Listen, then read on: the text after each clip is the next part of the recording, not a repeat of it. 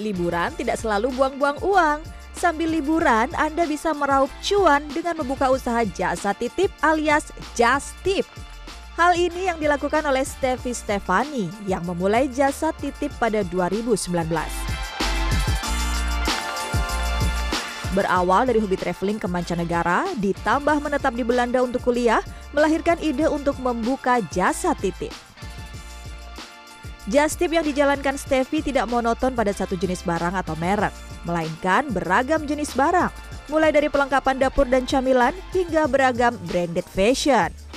Berawal dari 20 calon pembeli yang ia kumpulkan dalam grup WhatsApp, kini telah berkembang menjadi 600 pengikut dalam dua grup WhatsApp. Steffi yang dulu menganggap just tipnya ini sebagai pekerjaan sampingan, kini berubah menjadi pekerjaan tetap yang menghasilkan cuan fantastis.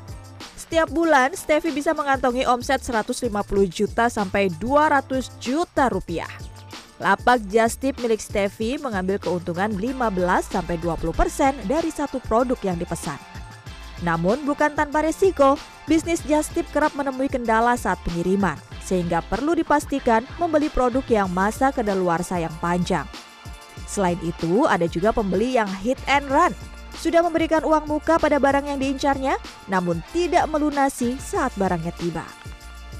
Belum lagi harus cerdik saat menghadapi pihak Ditjen Bea dan Cukai di bandara agar kocek yang wajib dikeluarkan Steffi tidak terlalu membebani maupun barang-barang jasip itu tidak ditahan terlalu lama aduh tip ini mahal nih gitu kan ya karena kan kita bayar uh, apa uh, transportasinya terus juga ada biaya biaya cukainya pajaknya juga. Misalnya kalau pajak branded tuh di sana beli dari website juga udah pasti langsung kena pajak kota uh, city city tax gitu.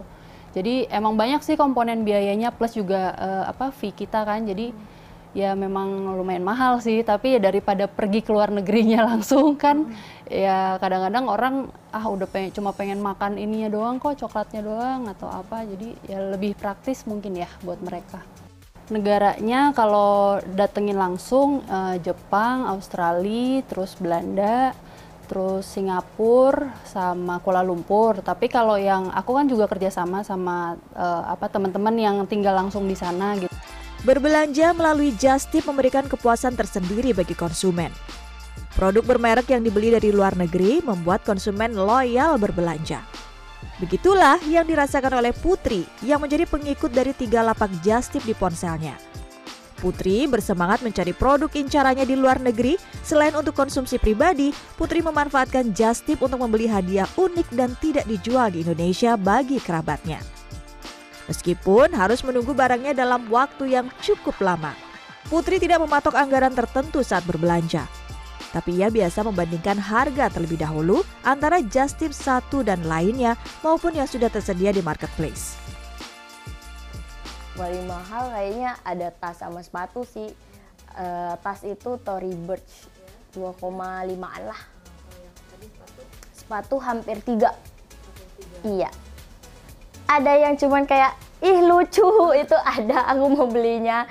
Kayak sendok ini sebenarnya ih lucu aja gitu. Tapi aku kurang tahu pakainya buat apa. Tapi ada hal yang memang aku aku beli memang buat kebutuhan aku sih. Kayak tas itu kan memang kebutuhan kita ya buat ya bisa pergi bisa ke kampus bisa apa gitu lah.